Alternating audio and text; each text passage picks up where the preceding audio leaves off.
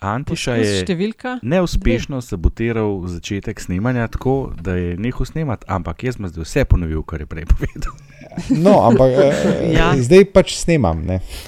Z malce počenim glasom. Ne, ampak PG-13. snemam. Lej, dober mesec, a smo redi, da gremo v tretji razred? Absolutno. Več kot to. Kje je že to? Kje je že to tretji razred? a? Ja. Ne, ne vem, zakaj zdaj provociraš s takimi umazanimi vprašanji. Uh, kakšen mesec? A se kdo še spomni im, ime učiteljice iz tretjega razreda? Ja, je se. Jaz tudi.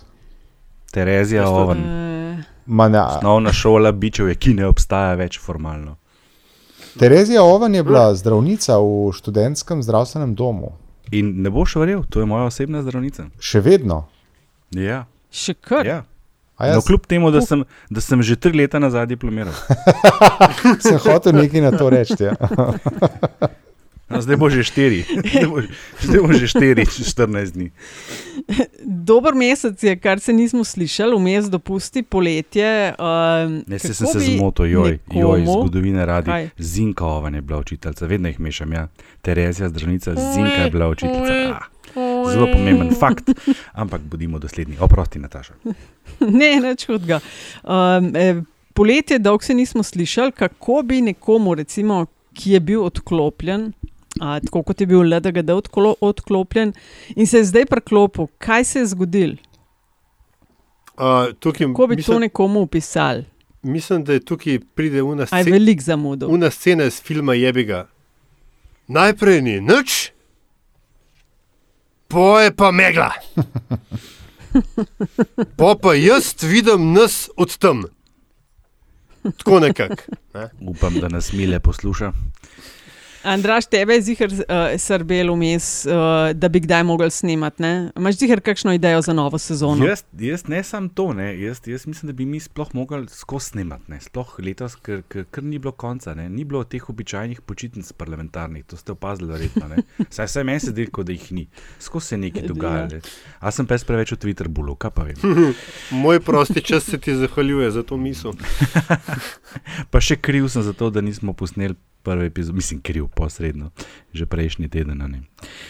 Ja. Ja, javnosti razložiti tako je, da smo poskusili, ampak signal pač ni bil dovolj dober.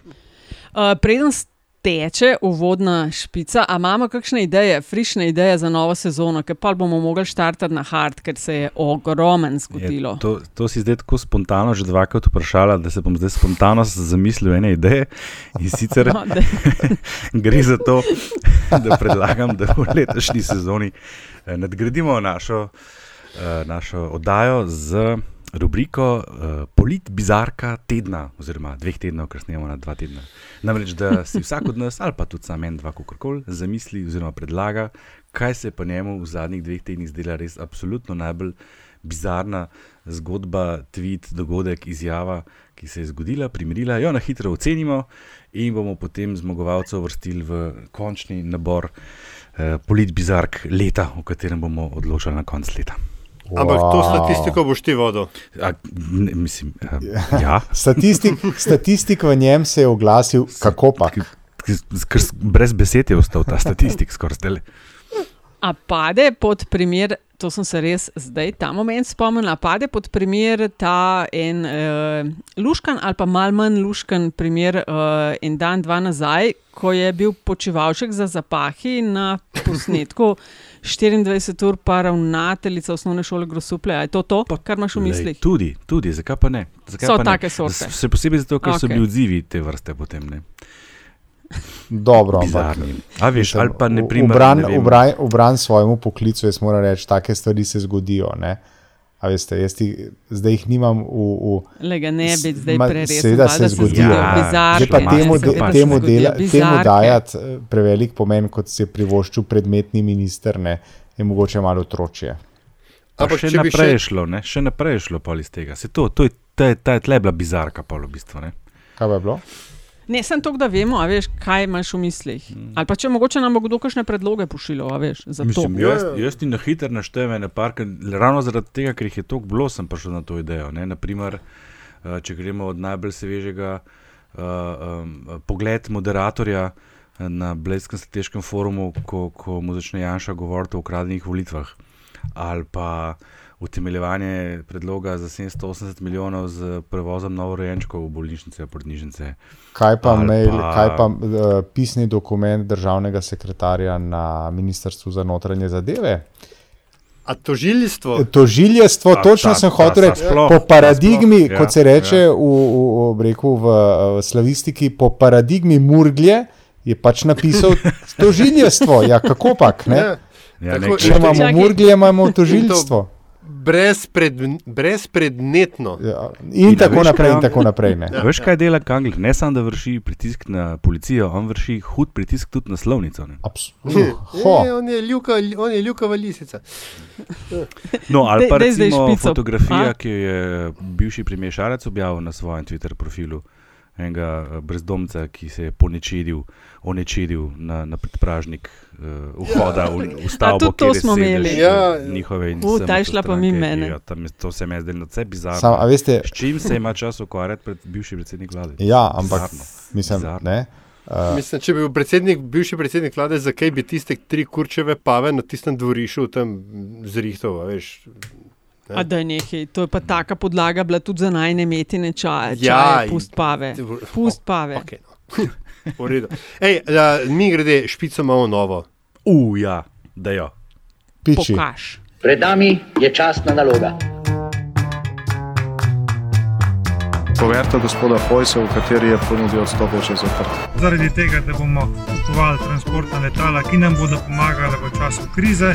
Tukaj ne gre za vprašanje mojega odstopa, ampak gre za vprašanje prihodnosti stranke. neke vrste zmenek rušiteljev temeljnih vrednot Evropske unije. Več afer, kot bodo sproducirali, bolj bom grizla in sekala lovke. Mi nismo ničesar plačali, tako da eh, v tem primeru zagotovo ne gre za goljofijo. Te razprave ne bom nadaljeval, pa ne zato, ker ne bi bil poguben, ampak zato, ker eh, nisem neumen. Ker se jebi ga, nekdo mora boriti za otroke. Ko bi sedel v avto, pa bi me vprašali, na katerem ovinku pričakujete, da bom srečal koga.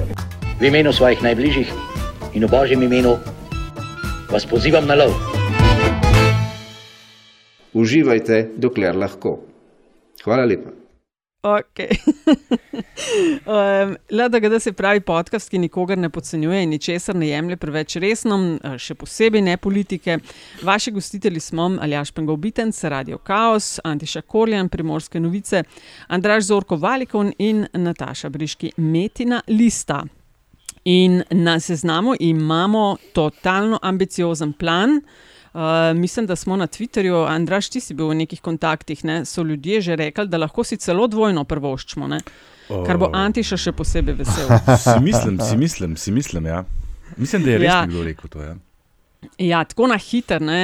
Uh, Desus in ne vem, možna prehajanja, ampak Desus je neka zgodba poletja. Uh, rebalans proračuna, karantena in vse te teorije zelo zarote, naši na tujem in stojino. Uh, končujejo, oziroma bil je ta teden Blejski strateški forum in pa seveda ankete. Uh, novi podatki so, a ne Andraš.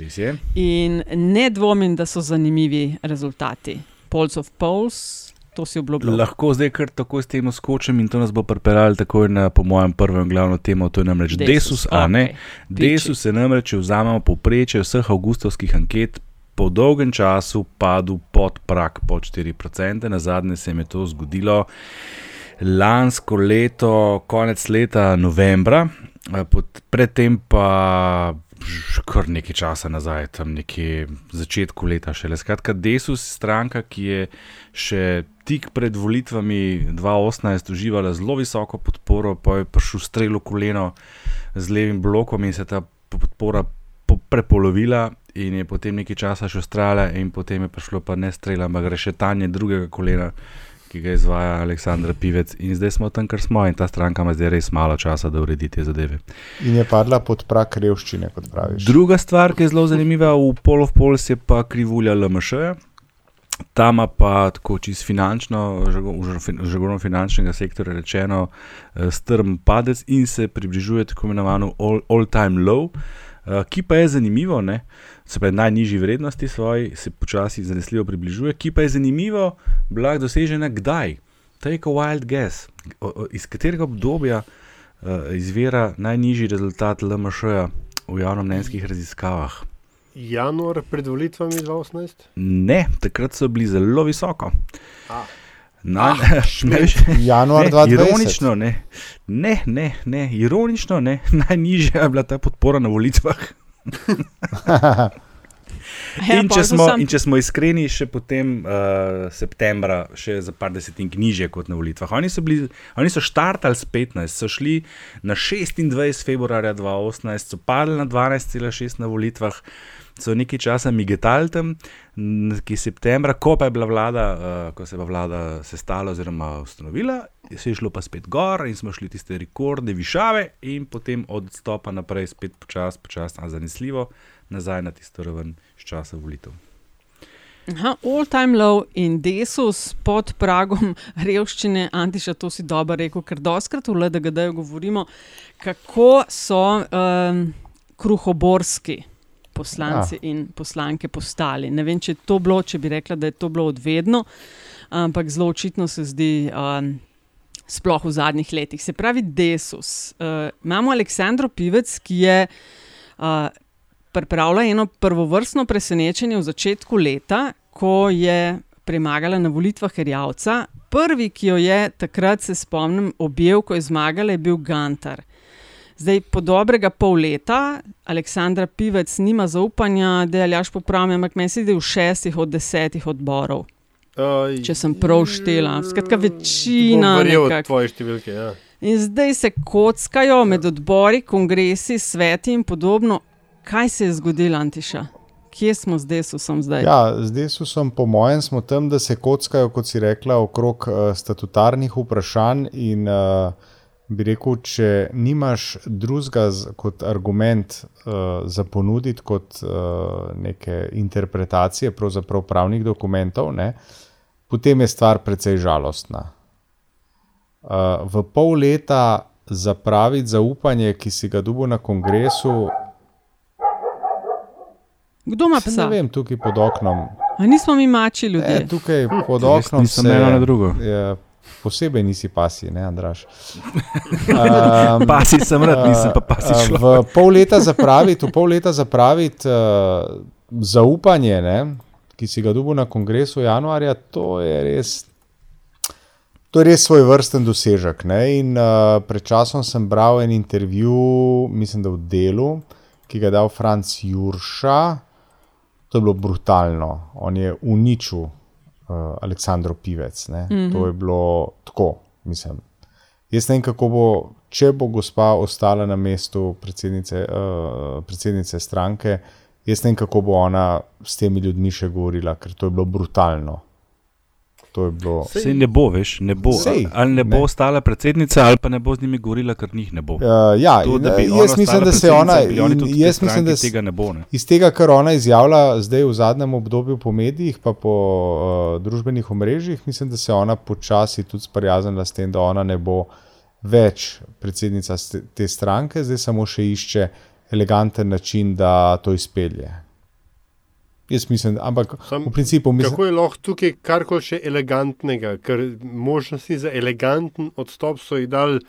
Že nebroj, ne, nekajkrat, potem, ko je- že nekajkrat Ja. ona jih je strumno spregledala, in zdaj uh, je videla, da zdaj pa res ne bo šlo drugače. In jaz mislim, da je to vprašanje, ne bom rekel dni, ampak nekaj tednov, morda, da se ta stvar zaključi. Ne?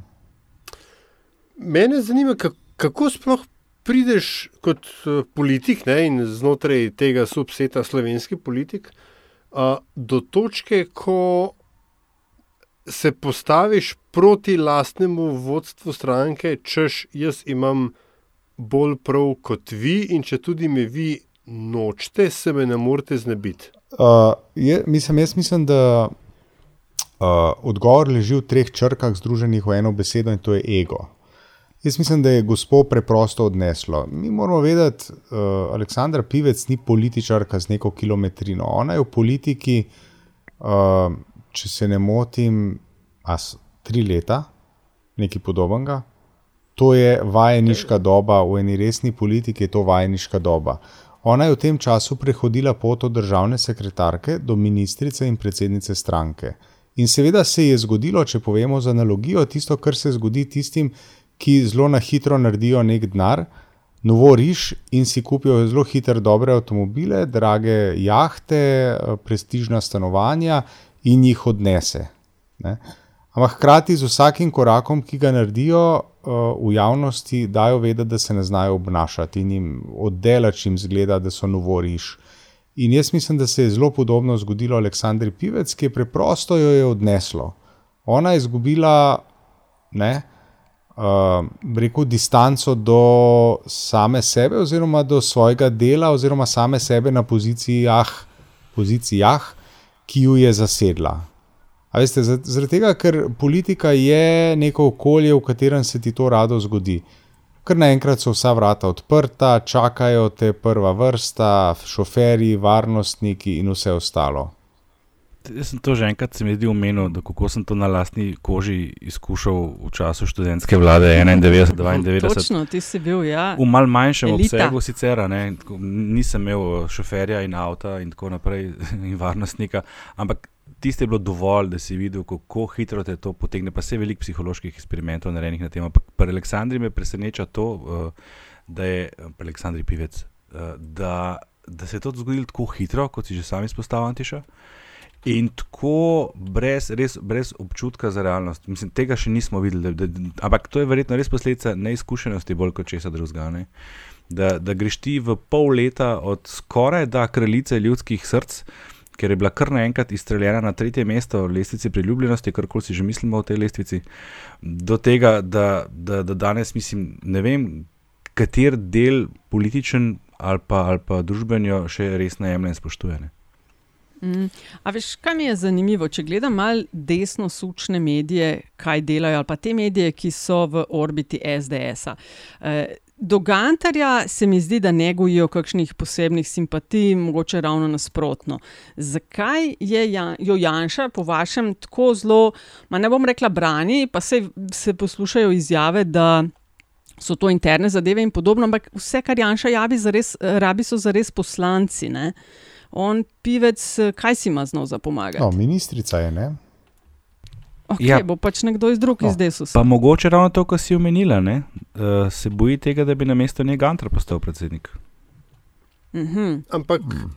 Pa bi kaj odpeljal poslance kam drugam, ker vsaj za enega se ve, da je SDS, ne se reko je že polnar, da bo glasoval s koalicijo. Ja, mislim, sem ravno prej, ko sem zaznal v dnevniku, pa sem šel še enkrat nazaj prevrteti, ker nisem verjel, da sem dobro slišal, da so glasovali, pa ne vem, če je bil ravno zakon neki v zvezi z Vardo, ki je, bil, ki je imel Šiško svoj šov. Ja. Uh, ste videli, ne, kako so ga zlekli, da je dobesedno. dobesedno. Uh, v glavnem so glasovali, uh, ne če je zakon o tem, uh, kašne, ali pa predlogu zakona. Tako, uh, mislim, da je na uh, tele odbori, ki so na odboru. No, v glavnem, da, da se je vzpostavila koalicija, ki je bila proti temu SDS, pa levica. In uh -huh. na mhm. drugi strani uh, koalicija, ki je uspela to skozi spraviti, pa dejansko te, da imamo reči, sredinske stranke, ne? Z malo rezerve v tej izjavi, ampak kako koli obrnemo, v primerjavi z SDS, pa levico, so to sredinske stranke. Ne? Se pravi, uklepa jih. In to se mi zdi zelo zanimiv pojav, ne? pa sem začel pa fantazirati. Ja, si ti predstavljaš, ne? zdaj pa je desus postavi Gantarja za predsednika potem pa te, ta, ta, te stranke začnejo razmišljati o koaliciji. No? Več o tem pa mogoče ne, malo kasneje na Twitterju. Ve, ampak, uh, ampak a ni mogoče samo tukaj, glede desusa, se mi zdi, treba vendarle postaviti eno, eno um, vejco. Ne? Interesi Tomaža Gantarja in interesi Franca Jurše oziroma petih poslancev niso nujno eno in isto. Ne? In, in da, veš, klej, klej se, se mi zdi tudi en del tega problema, zakaj se ta, ta stvar tako vleče. Obe te proti pivec frakciji imata seveda en sam interes, da Aleksandr Pivec gre. Ne? Kaj se pa pol zgodi, to pa ni več nujno, nujno ista zgodba. In se mi zdi, da je klej tudi ta problem.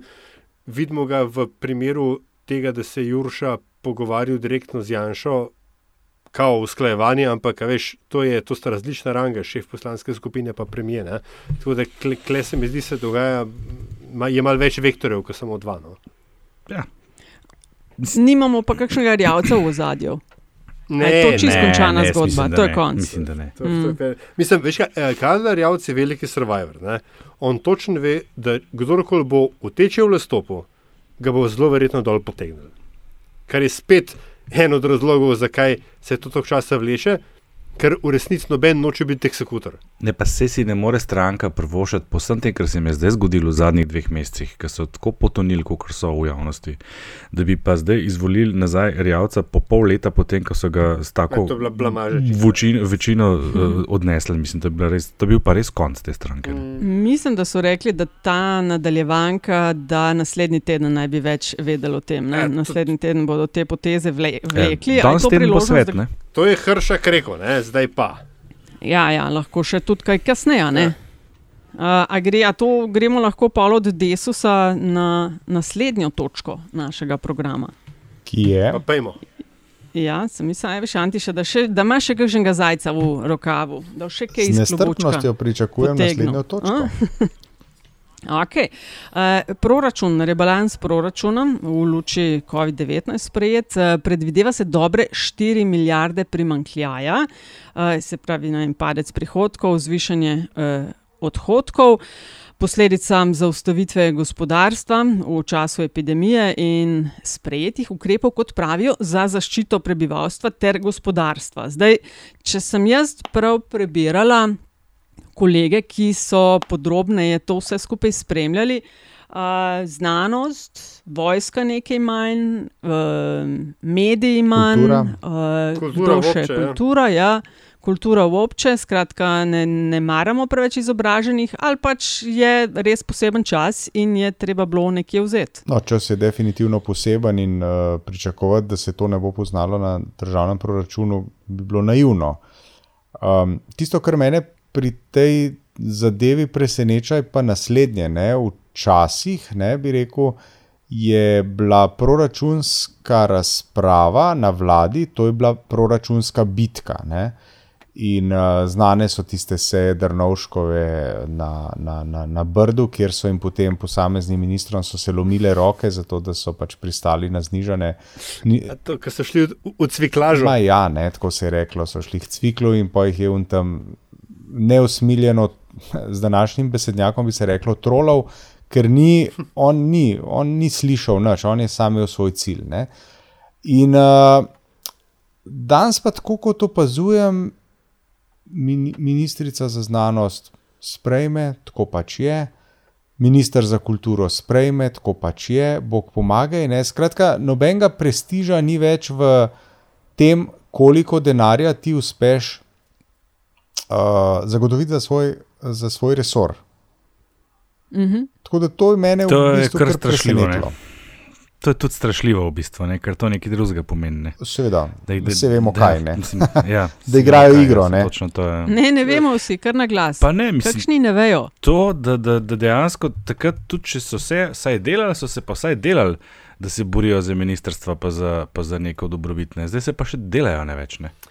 Ampak so bile tudi mogoče močnejše osebnosti, da so zdaj bolj izvajalci deli nalog. Nasploh je bila politika vseeno malo bolj Pa resna. jaz je bi, jaz bi Nataša težko rekel, recimo, da Vasko Simoniti ni močna osebnost. Ne? Uh, A znotraj SDS-a Ne, ne, on kot, on kot persona, on kot nekdo, ki je. Ne, jaz včasih tako za potrebe takih pogovorov delim ljudi na tiste, ki pred politiko jih ni bilo nikjer in za nje nisi vedel, in Mhm, mhm. pač za ljudi, ki tudi brez politike so pustili svoj pečat v družbi. In Vasko Simoniti, ne glede na to, kaj si jaz mislim ali pa kdorkoli o njegovem delu na mestu kulturnega ministra, je pač nek pečat v družbi pustil v preteklih ne vem, 30-40 letih. Ne. Um, Bolj me zanima, ali je znotraj SDS-a, ker- on je SDS. On je SDS-ov Ali je minister. znotraj SDS-a tisti, ki reče Janši, lej, stari, klele rabimo več. Takih je pa se bojim zelo malo. Ne? Oziroma tisti, ki so kdaj morda to bili, jih ni več v orbiti te stranke. Ja, okay, se pravi, izvajalec. Na tem mestu, definitivno, absolutno. To vemo že iz časa njegovega prvega ministrovanja Prvi, ja. in tega ja. um, tolika problematiziranega in še vedno nerešenega medijskega zakona, ki bo zdaj Mhm. očitno ne, medijska krajina še malce slabša od tega, kot je že, oziroma urejena. Tako, bom rekel, ne. Ta zakon nima zdaj podpore koalicijske. Ne? Če sem jaz prav zastopil, ga ne v Desusu, ne v SMC-ju. ne SMC-ja podpirajo. so, ja, iz SMC so vihali nos nad tem. Ja. Zdaj, Predsednica Desusa, naprej? Aleksandra Pivec, je pa tudi rekla, da to pa neče moči, ampak ne o specifični, o njeni ja. specifični teži se lahko zdaj pogovarjamo. Ja. Tudi klej, a veš, je, so trije zakoni, ne, ne, a veš, ne samo eden. Ja. Mhm, Tako mhm. da tudi klej je vprašanje, kaj se bo zgodilo, če ne bo na koncu neki, neka na pol skuhana pašta, ki bo pol če slabš kot. Ne, če ne. Ma, jaz tako poznavajoč oziroma opazujoč glavne akterje, se mi zdi, da bo kar tako, kot se je zamislilo, da bo in uh, ne. Mm. Uh, lajalo se bo, ampak uh, karavana bo šla dalje. Ja. Se bojim, se bojim, ampak Ja, lej, Mimo grede, a um, vi, ki niste na Apple, čeprav zdaj po novem imamo tudi mi na Apple to opcijo, aplikacija. Ja, I, Ja. Imate kaj, naloženo, kaj, že? kaj je njo, spremljate? da praš? Ja, a Ja, uh, Zofija si jo je že dvakrat uspešno namestila. ja jaz, Oj, oj, je jaz lepa, moram ja. reči, kmalo zatem, ko se je pojavila za, za Androide, sem šel pogledat, če pa mogoče vendarle je na Apple, ugotovil, da seveda ni. Um, Uh, in potem sem pa dan z, po noči, pravzaprav zgodaj zjutraj, dobil od enega dobrega prijatelja, ki je to poskušal na uh, iPhone namestiti, uh, neke screenshote, kako stvar ne deluje in ne gre, in ni uspel nalagati, in tako naprej. In tako, naprej. tako da jaz mislim, da bom ustal kar pri tem, da bom imel telefon za kakšne druge. Še malo počakaj. Bom imel lepo masko v žepu, pa telefon za kakšne druge stvari. Je, Ja. ja. Jaz sem jo hotel naložiti, ko je prišla ven za Androide, ampak je še vedno not available in your region. Aha, Aha, Ampak tako. A v Luksemburgu? Prav, saj ti Ne, namreč v ne Sloveniji prideš sem bil. Veš, tako, sam pa se izkaže, da je to neka fora, kako, kako imaš svoj Gmail account nastavljen, pa od kdaj ga imaš, ker jaz ga imam še od takrat, ko je bil sam v angleščini, A ja, itd. itd. Eh, oj. s- Glej, a veš, pol imaš danes uh, ministra Logarja. v Sloveniji. Ja, saj nimamo nič od tebe, ja, kaj, ne? Imaš kaj, prej sem bil v Sloveniji, sem bil. Prilagajati, ne, Ja. Prej- kaj gor pa. prej si bil, zdaj te pa ni, ne? veš, kaj češ zdaj, Pa ne? imaš ministra Logarja, ki Kle priješ se malo eh, fnat, nekaj za dva meseca, pa vseš pa Ja. pritožil nad aplikacijami. A ne, a ne, A ne, ja, kam pa pridemo, ja, kam pa pridemo. šalji Ja, fare, iz Ja, jaz se bom pa tudi naložila, no, ampak zdaj Se bi prišel, če bi v to vuko jebeno kaj letel, zdaj še vizor v kinu lete, razumeš? Tako da mislim, lepo. Si Eh, ti ja, predstavljaš, Antiša, kako je lepa bivši hvala, veš. eh, Pikalo trpel v tem času, Madonna. Ker ni mogel potovati. Ja, Se spomniš, kako je Zakaj on potoval? A je veliko? Ful, Uh. pa kje ni bil? Če sem še enkrat rekel, da edini, edini ki leti pogosteje, kot vizer z brnika, je Pikalo. Zanga velja, veste, ko Ja. Neda Arnerič v kotu tam opeva, vpraša Dragana Nikoliča, pa jeste vi bili na moru, pa on reče, pa kde ja nisem bil. Ha, lepa. Ko smo že pri letenju, a, pa je, bomo kupovali sedem, a, kva že, a, transportno letalo, pa helikopterje za, za novorojenčke, pa ne vem, kva še vse za En kup oklepnikov. 780, en kup oklepnikov za 780 milijonov evrov. Um, ne, kako že, at the Kaj risk. te moti? Ne, Kaj te moti? V resnici me, me moti presenetljivo malo. Moti me komunikacija ministra po tej temi, uh, ampak a jaz to prav razumem, da mi to je bo čez, za deset let v bistvu to, ta projekt, da ni to zdaj naenkrat.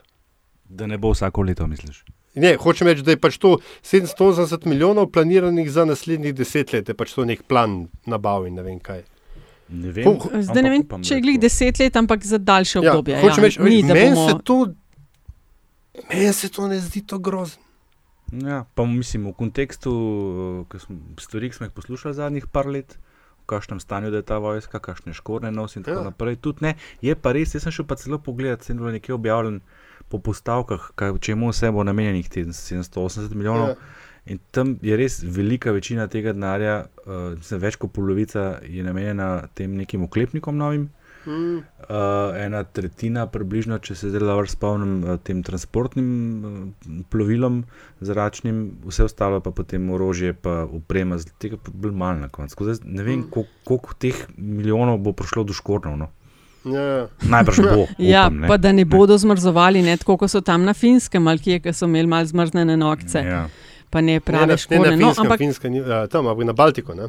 Kje, a, ne, ali Norveška. Ja, no, Norveška. ja, Norveška. Finska ni v NATO. pa, a veš, mislim, pol. da veš, ko je bilo pa veliko politikanstva tle, pa, pa demagogije okrog tega. Zdaj, če imaš vojsko, pa je pač lepo, da skrbimo za njo. Tam so Ja. pač ljudje, ki so v službi in morajo biti obuti in oblečeni. In vojska, če, če misli biti, ne, pa mora imeti tudi najbrž kakšno orožje, da ne bojo kamno za ramen metali. Nekaj Marjan, vrš Marjan. Ne. Ja.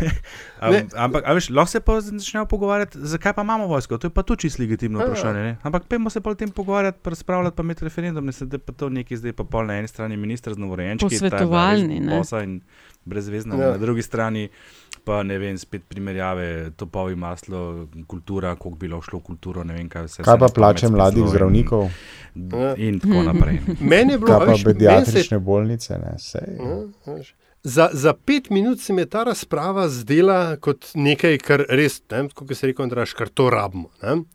Ko, a veš, kot je Tonin rekel, da se bomo končno lahko pogovorili o tem, a hočemo vojsko in kakšno vojsko hočemo. Ampak, glej ga zlomka, ne, naslednja stvar, ki se zgodi, NSI zahteva to nujno od, sejo odbora in skrajš, skrajšuje uh, javno razpravo in ne vem kaj, in potem kar naenkrat se jim začne pa muditi, pa ni več časa za javno razp- razpravo. Ne. In uh, je tako mal ta priokus, pol človek dobiš, uh, dobi um, ne, v ustih, češ da ga zabavajo. Uh, in to še pred, preden pridemo do novorojenčkov in helikopterjev. ne. Klemo, mislim, Jaz bi ja. tukaj pa takoj priporočila sam podcast Ljaš, ki smo ga naredila z Robertom eh, Škarjancem, Ja, ja, ja. Val oziroma Radio Slovenija. eh, Ki ima čez te stvari, in tako v, v 45 minutah nama zelo dobro razloži, eh, kaj ja, eh, kaj ne, in tudi na temo podhranjenosti vojske. Tisti je ja. odlična epizoda in jo je treba poslušati. Bi pa, Poslušal. Ja, bi pa sam, da- sam, sam še nekaj dodal, tako kot opomba, ne, za, kako že for future reference. Tonin je rekel, da bomo naku- nakupili določene heliko, helikopterje, točno določenega znamke in tipa. Ne? Le zakaj? Ja, vsi razumem, pa vsi imamo radi bele, pa dobro frčijo, pa tako dalje, pa dobro izgledajo na posnetkih. Ne? Ampak kaj se je pa zgodilo z javnimi razpisi? A ni to tako, da daš ti kaj, veš, kriterije, morajo ustrezati tem in tem standardom in NATO in tako dalje?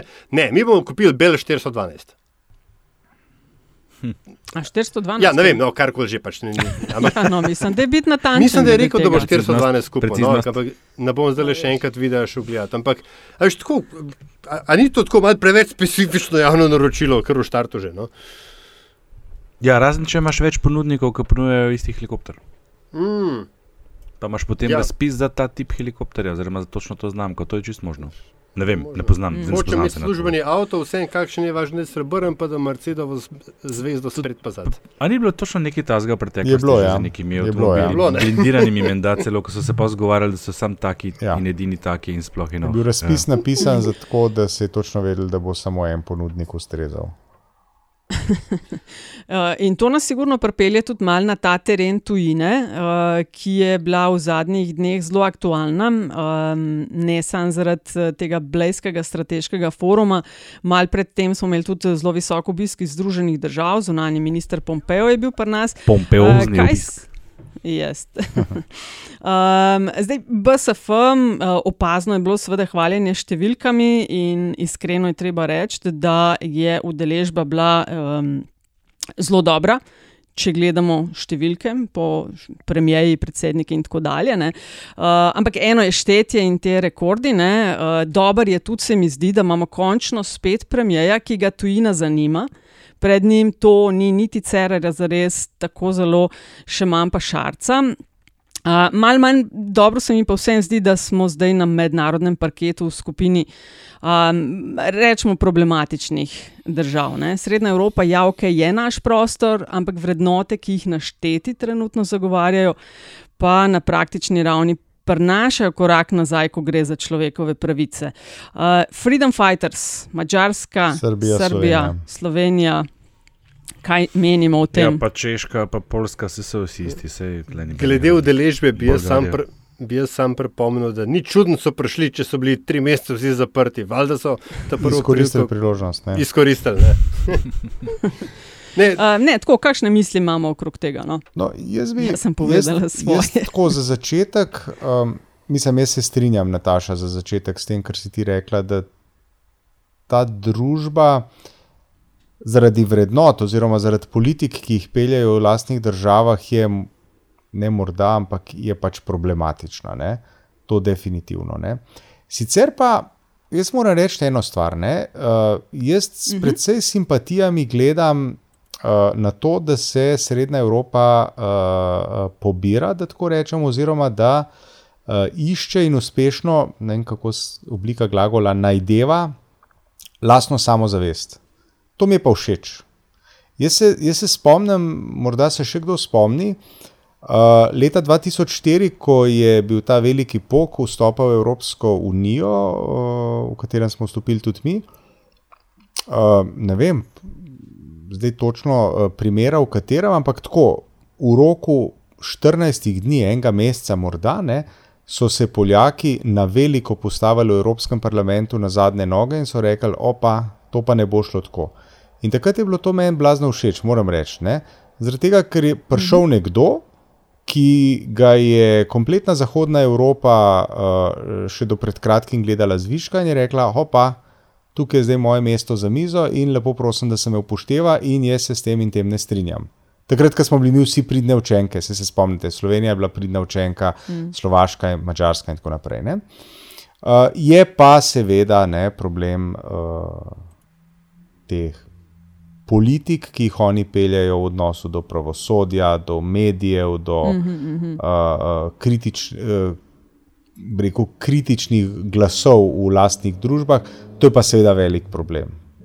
In biti v taki družbi, hm, tako, jih najbolj fajn. Ja, No. se to je zdaj to, ne? po čem sodiš, da je to družba, po, po tem, katere države so v njej in koliko smo te države zgodovinsko povezani, imamo veliko, veliko skupnih lastnosti in tudi težav povezanih s politično, političnim procesom, demokracijo, ki je logično, glede na to, da smo imeli prej 40-45 let eh, partijskega enoumija. Uh, po drugi strani, a veš, pa se, a bo, ve, a bo vedno tako, ne? zadnje volitve na Polskem so bile zelo, zelo izenačene, ja. tam, tam ni veliko manjkalo, ne? da se bi stvar obrnila naokrog, kar pomeni, da mogoče pa na naslednjih volitvah pa ne bo več ta oblast tam.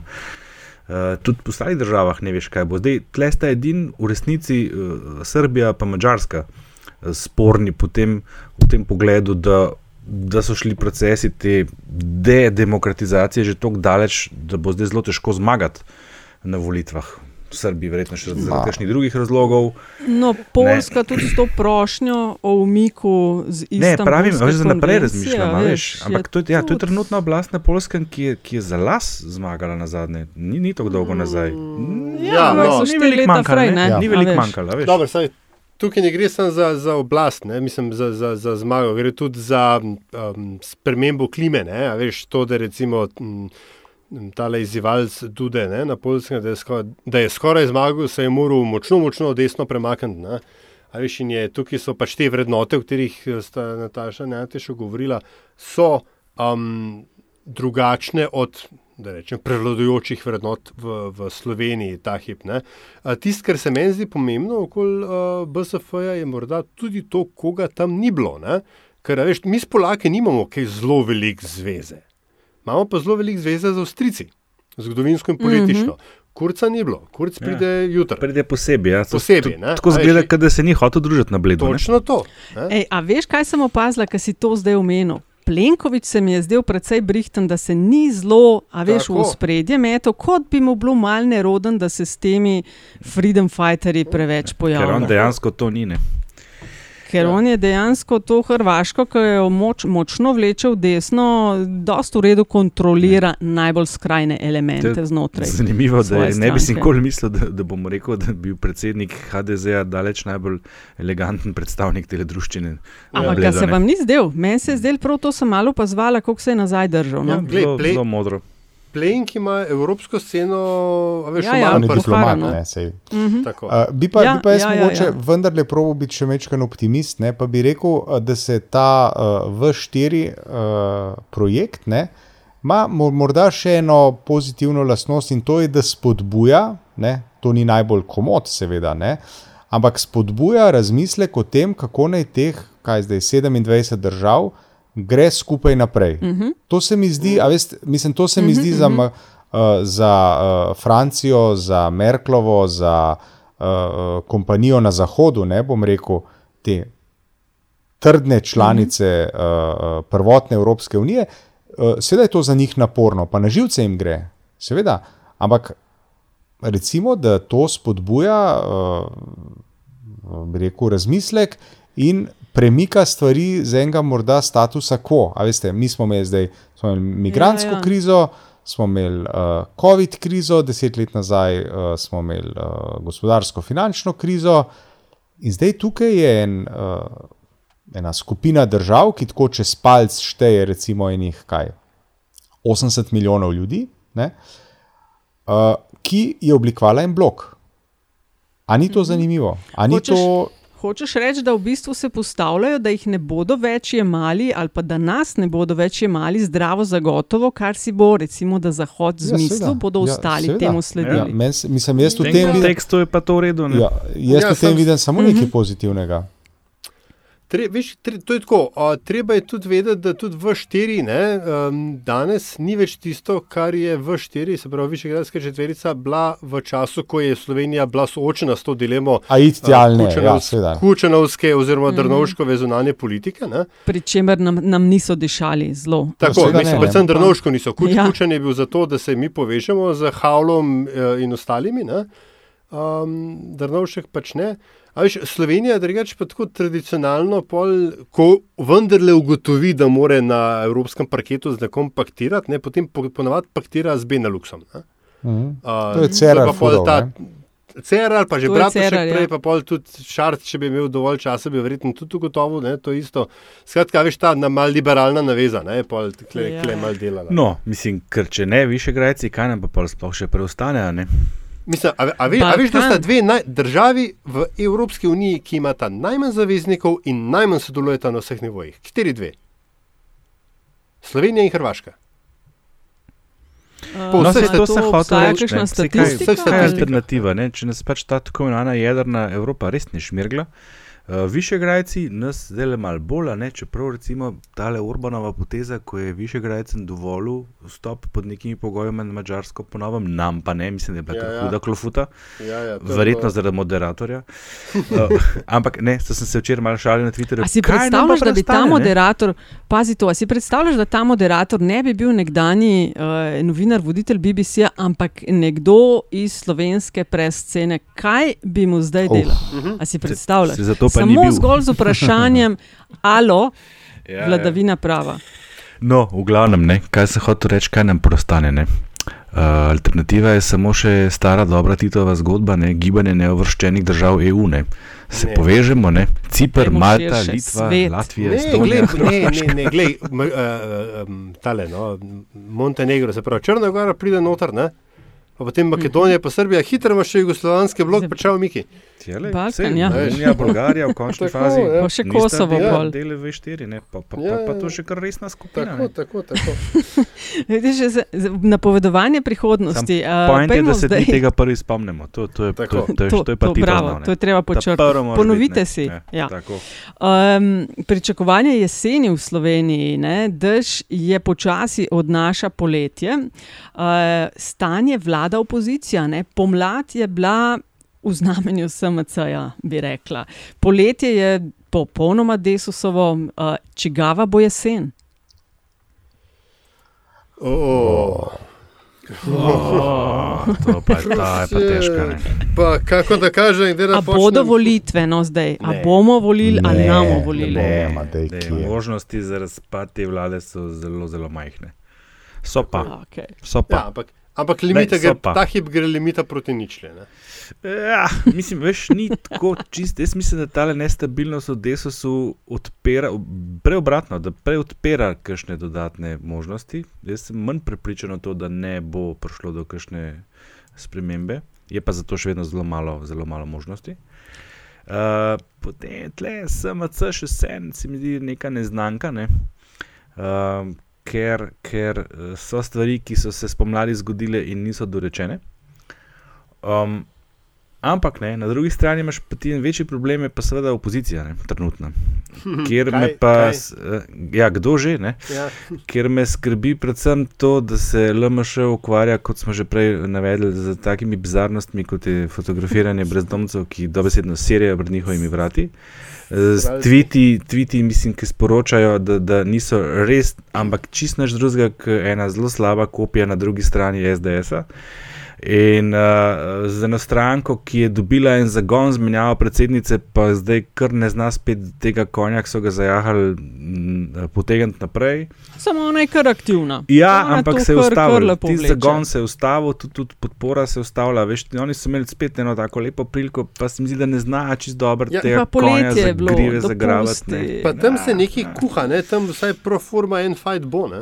Ne, ja, pa- Kaj se pa kuha? So pa vse opozicijske stranke, se mi zdi, dale zelo jasno vedeti, da se pa z LMŠ pa itak ne, ne bo dal nadzmenta. Ne? Tako da Ja. iz tega vidika pa spet pol ta verjetnost limitira proti nične. Mene je Ja. prvo še presenetilo to, da se je Šarc v zadnjih nekaj tednih tako zelo um, komod uživel v vlogo opozicijskega jebača, ne? Kjer zdaj uporablja čist SDS-ove taktike. Ne? Češ, ja, kdo je dal 4,2 mi- milijarde pufa v blagajno? Je pa Mislim, se, mislim, Kakšne so se- flozali včeraj od mene? Seveda so ga dali, mislim, ne, sej, to je bil cel point tega šova. Ne. Kaj misliš, A, kaj, kaj on misli, da je bil doma zastojn ali kaj? Ja, no, ampak ne, ne, ne, ne samo to, a veš, ampak a, tako brezsramno cherry picking dejstev, ne, ki smo ga bili do zdaj vajeni, predvsem od Janša. Ne. Točno to, kar sem prej rekel, slaba ja, ja, ja. kopija. Slaba Tako, kopija na drugem bregu. Zakaj pa misliš, da ne bi SDS-u mogoče antišati uh, dišaljati na volitve? Ne? Ker menda jim eh, kažejo m, neke raziskave, da bi znali 35 dobiti. Zdaj imajo 26, ampak ok, Ah. s 25 so štartali, pa Ivanuša iz Jantiša Zakaj jim ne bi to dišali? Zakaj bi čakali na, na, na pomlad, pa vse ostalo? Ok, predsedovanje Zaradi- je, ja. pa 30 let Zaradi tega, je Slovenije, ampak tu se začele tega, ker- prve razpoke. Zaradi tega, ker zdaj so tam, kjer so, vendarle je Ja, sej, predsedovanje dobijo. na volitve. Je- predsedovanje dobijo, če imajo volitve je 35. vedno tvegan, uh, tvegan proces. Oni so zdaj le pred, kaj uh, se pravi, pred niti pol leta so sestavili vlado. Um, mislim, energija je, rekel, uh, končna. Ne? To ni neskončna uh, količina energije. Ni. Pač zdaj bojo, Pa še nekaj, ne? zdaj bojo tam, zdaj bojo uh, vodili bojo državo, imajo koalicijo, imajo podporo, prevzeli bodo predsedovanje. Zakaj se skozi ta neki na roller coaster hoditi, če jim ni treba? Veš pa še nekaj, ne, ne pozabi, mm. da je eden od razlogov, da je ta vlada sploh nastala, bil strah določene pač skupine ali pa skupinic poslancev pred tem, da bi parlament videl sam še od zunaj. Ne?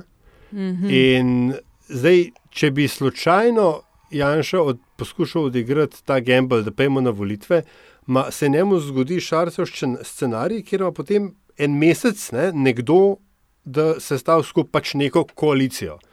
In zdaj, a veš, če ti tehtaš med tem, a boš še let pa pol poslanc ali ne boš več poslanc, ever, se znajo pa tudi prioritete vendarle obrniti.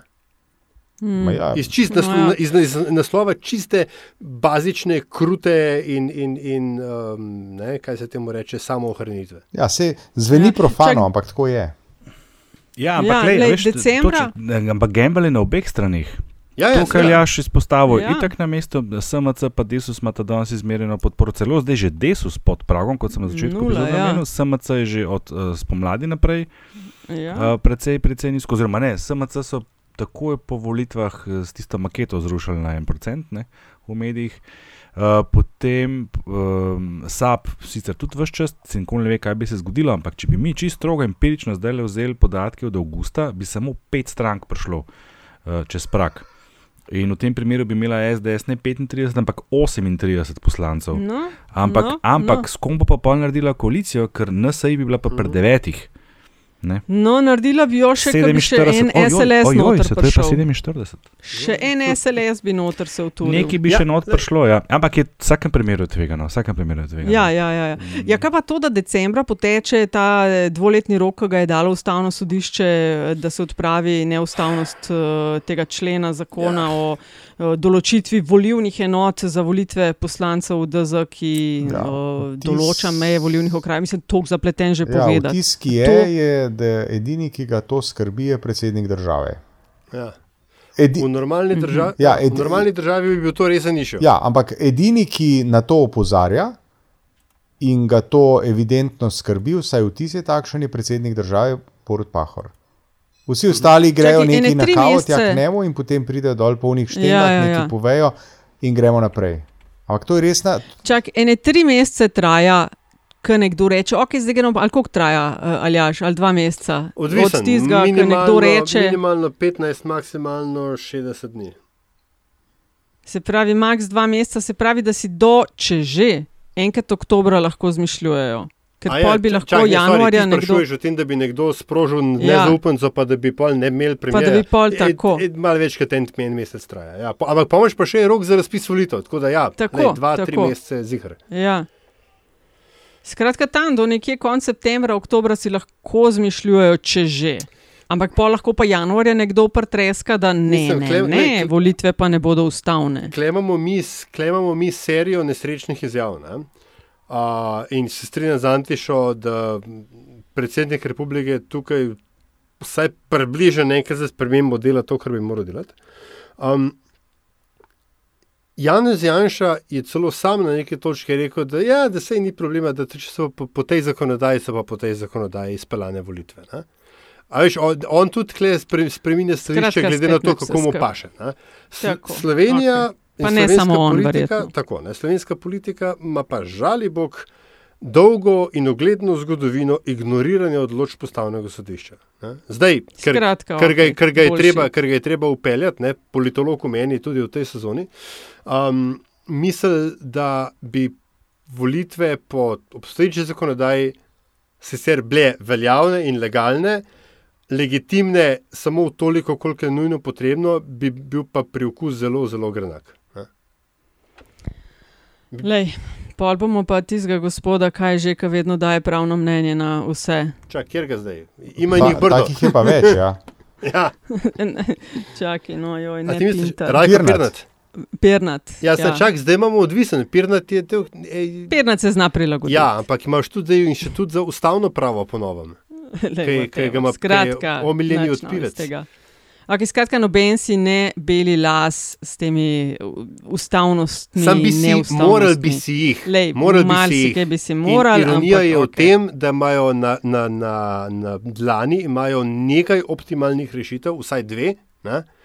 ampak ker, ni, eh, ker se politika ne želi eh, spustiti kontrole nad tem, koga lahko kam kandidira, eh, potem ne pridajo skupaj do tega, da bi uno, malo manj optimalno rešitev sprejeli. In to je tisto najmanj, kar bi moralo skrbeti in s čimer bi se morala opozicija ta hip ukvarjati. Ker je na eni strani zelo pomembna zadeva, po drugi strani pa zelo povezana s tem, kaj se bo zgodilo, ko bo enkrat ta rok uh, potekel. In ne samo opozicijo, tudi del opozicije, ker samo eni stranki ustreza to stanje, ki je danes. In čim kasneje še ukvarjanje s tem, in, in mora biti Mhm. celo prehod v neko To je- neustavno, nezakonito uh, uh, stanje. a Ne? To je res. Ja, pa ne vem, če ni nekdo zanj štel neke glasove in je rekel, da na desni zmanjka, a ne na levi zmanjka. Ne SDS, itak jih ni, ampak da ta ena stranka, o kateri A, govoriš. Ni ne? bil desus tu. Ne, tista stranka, ne, ki ne, to ne, ustreza, ne, ne, en seveda, privat SDS, ja. je tvitov, pa sem zdaj pa ne vem.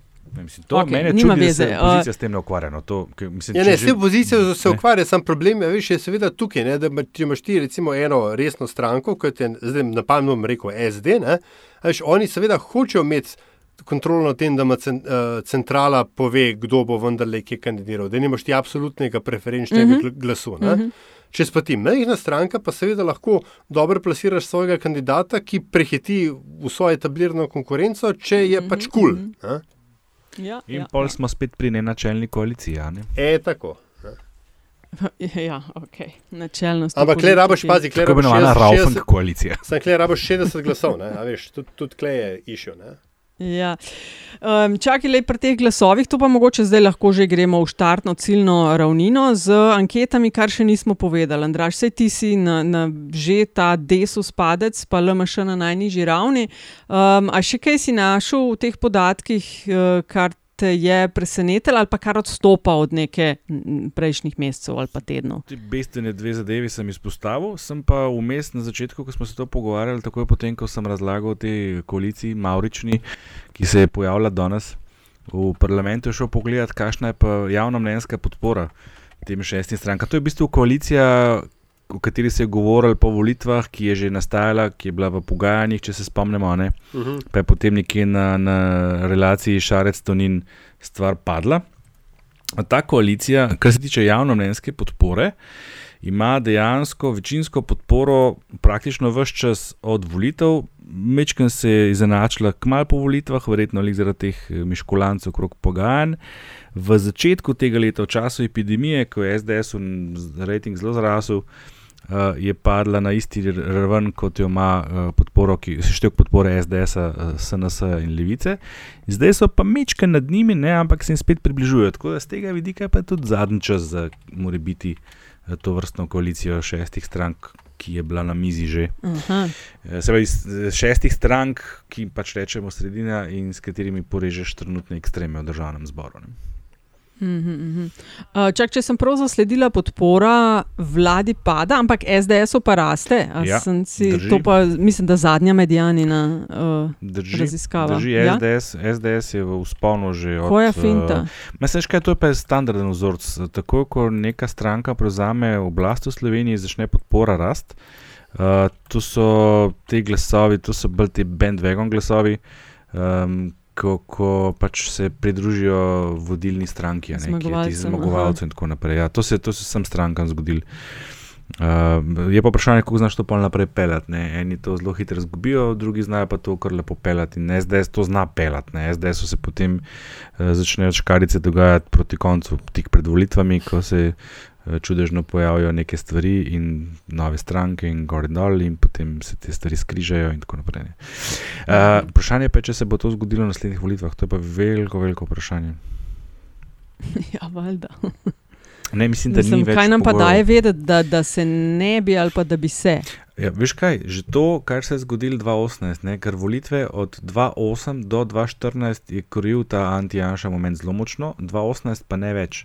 Ker če bi ga, potem bi te stranke, ki so temeljile na anti-janša poziciji, imele večino, pa je niso imele. In je, LMŠ je bila prva ta stranka, ki je bila na tej poti, da zmaga na volitvah s tem zagonom anti-janša momenta, pa je pristala na 12,6. ne.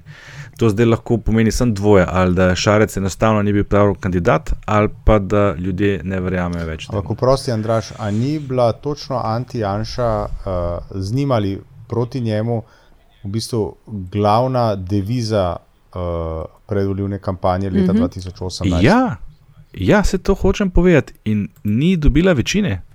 Aha, to pa, ja, ja. N- Ja, a veš, ni bilo tega efekta mobilizacije taktičnih glasov, mogoče tudi zato, ker jih je bilo preveč na tej poziciji, Ja. ja. pa se ljudje niso mogli odločiti, ali pa so ljudje, mislim, voljivci, ugotovili, da, tlele pa, da tole pa ni več to. Ne. Ne, razumeti je bilo, da leta že 2018 2012, je razprava je bila v manjši meri Janša ali ne Janša kot leta 2014. Ne. Tako je bilo razumeti, Ja. ne, kar si rekel. Ampak, okay.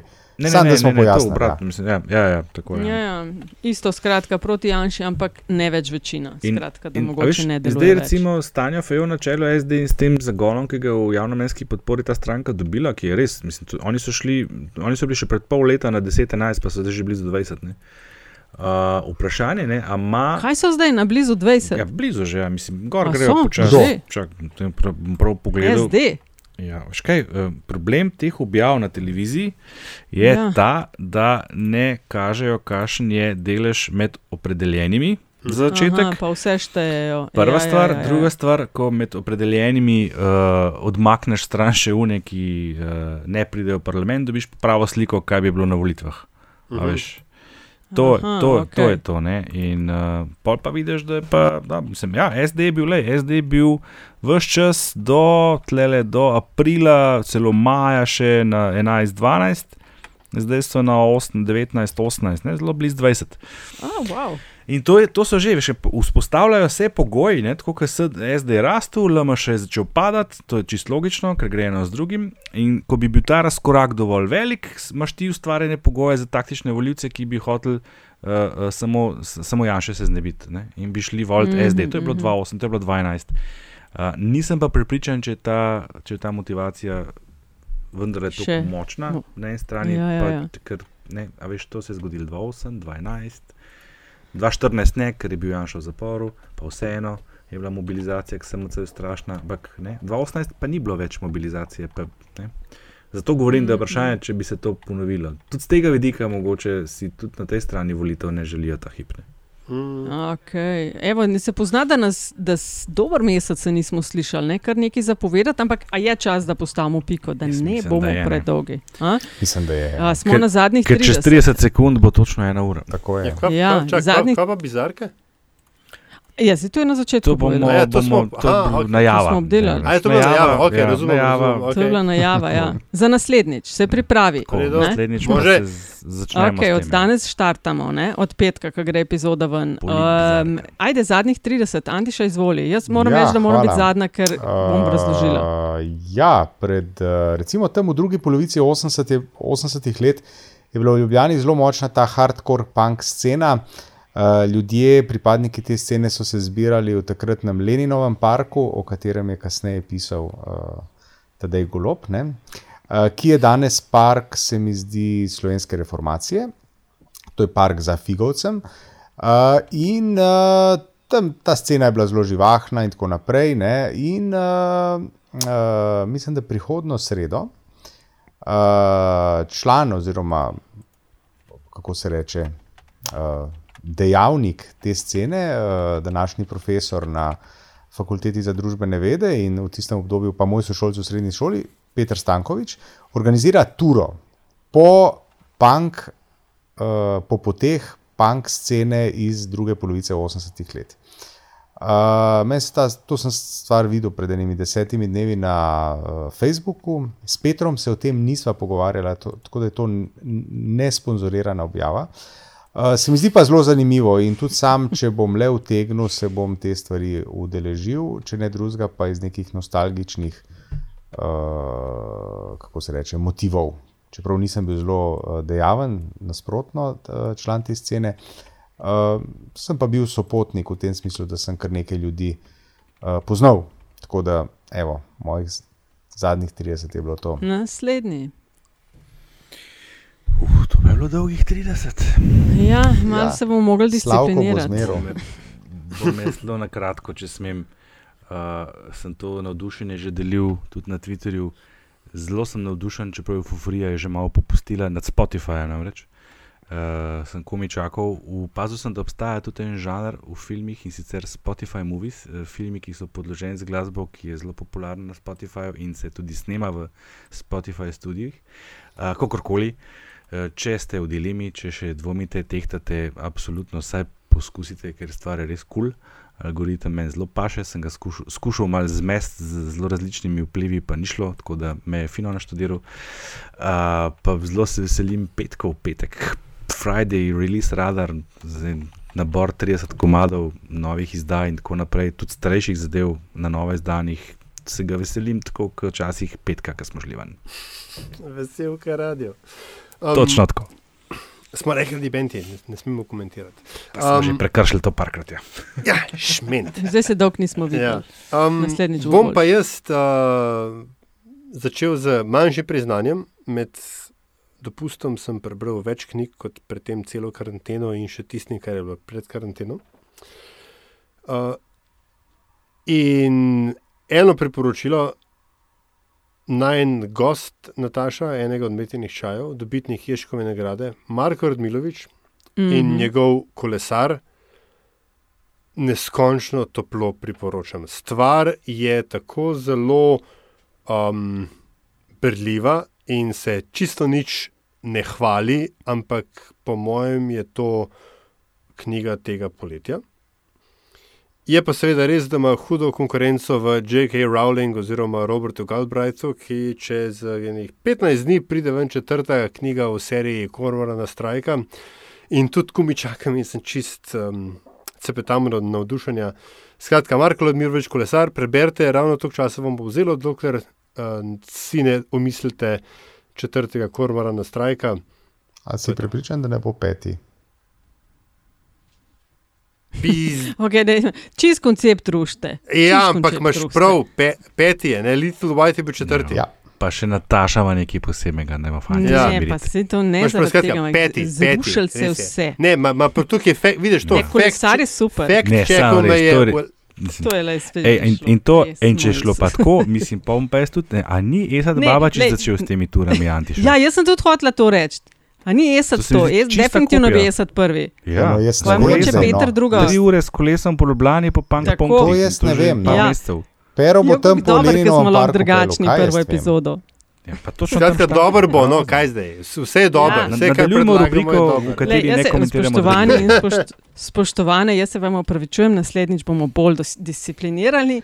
Uh, v zadnjih 30 pa bi jaz delila sporočilo in posnetek, ki nam ga je na naslov ekipe LDGD. Poslal strašno prijazen poslušalec Uroš, pred dnevi se je v glasu, sprašuje pa naslednje: Izvoli, Uroš. Na Facebooku sem zasledil zapis svojega bivšega košarkarskega trenerja, ki je objavil sledeče: LD, GD, ah ja, pri čemer je LD in GD ločil z deteljico, pa tudi drugače je zapis opremil z nekaj deteljicami. Moja prva asociacija je bil vaš podcast LDGD, ampak ker trenerja poznam, mislim, da ne posluša vaših vsebin. Tako da mi zapis najprej ni bil jasen, ampak sem ga na to hitro povezal z našima košarkarjema, Luko Dončičem in Goranom Dragičem, torej LDGD, ki trenutno dobro igrata v končnici lige NBA. No, deteljice so pa tam zato, ker je trener velik navijač uh, Boston Celticsov, katerim tudi dobro kaže v končnici. Uh, malo sem bil zmeraj ferčen, kaj točno stoji za kratico imena vašega podcasta, tega tudi niste nikoli javno izdali.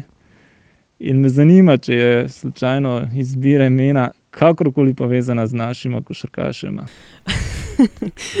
Od zdaj naprej, Uroš, je. Najlepša hvala po mojem imenu vseh za tole. Mogoče pa tudi, evo, ekipa vprašanje za vse nas. Uh, je to lahko tudi ena od novosti v letošnji sezoni? Vprašanja poslušalcev in poslušalk. Absolutno. Nujno. In pisma, A? in Nujno. to, in uh, ja, naši seveda. Poslušalci Ja. čestitajo Ja, in moj naslov je. Andraž, a ja, to za ekipo. Ja, pardon. Infoafna, infoafna, metinalista.si, na Twitterju nam, nas pocukate za rokav, na Facebooku. Uh, tole imamo pa res radi. Ja, vprašanja ali karkoli politično, no, mislim, aktualno. Ja, na Tinderju ne zdaj, smo pa, a ne, vem. ne, no, sej ne. No. Ne. Ne. A, mi, a, mislite, Ja. a mislite, da nas poslušata Luka Dončić pa Goran Dragič? Lej, če še ne, E, To je res dobra priložnost. Ja, lej, če poslušate, pol lajkete. Sem pa zanč uzrl na televiziji, se rola en film na HBO, ste ga že gledali, od, eh, sem pozabil ime, seveda, o tistem gospodu, ki je imel en strašen klub, v, v, v katerem so se rojevali punk bendi, ko smo jih pri punku bili. Uh, nekatera A. slavna imena so šla ven iz tega kluba, kot so Police, Talking Heads, Television in Ne. tako naprej. Ugla, ja, CG, CBGD. CGBG, ne, CGBG. Ja. CBGB, ja, CGBG, ja. CBGB, ja. Ja, CBGB, točno to je. Pa tale gospod je v glavni vlogi, uh, joj, pomagaj mi, Antiša, če si gledal. Nisem gledal. Alan, Alan preminul nedavno, par let nazaj. Alan Rickman. Rickman, Ja. Rickman, Rickman, Alan Rickman. Ja. A. Krasen film in grede. V glavnem sem se, sem se zazrl v naslov filma, ne? CGBG, ne? Se to je LDGD, ne? Sam mal drugače napisan. Sam malo ne. drugače napisan, ja. A veš, ja. lej, še mal pa smo v Hollywoodu. To je to. to je bil LDGD, evo, podcast, ki nikogar ne podcenjuje in ničesar ne jemlje preveč resno. Od vas se poslavljamo Aljaš, Antiša, Andraš in Nataša. Do naslednjič. Že konec, Čau. škoda. Čau.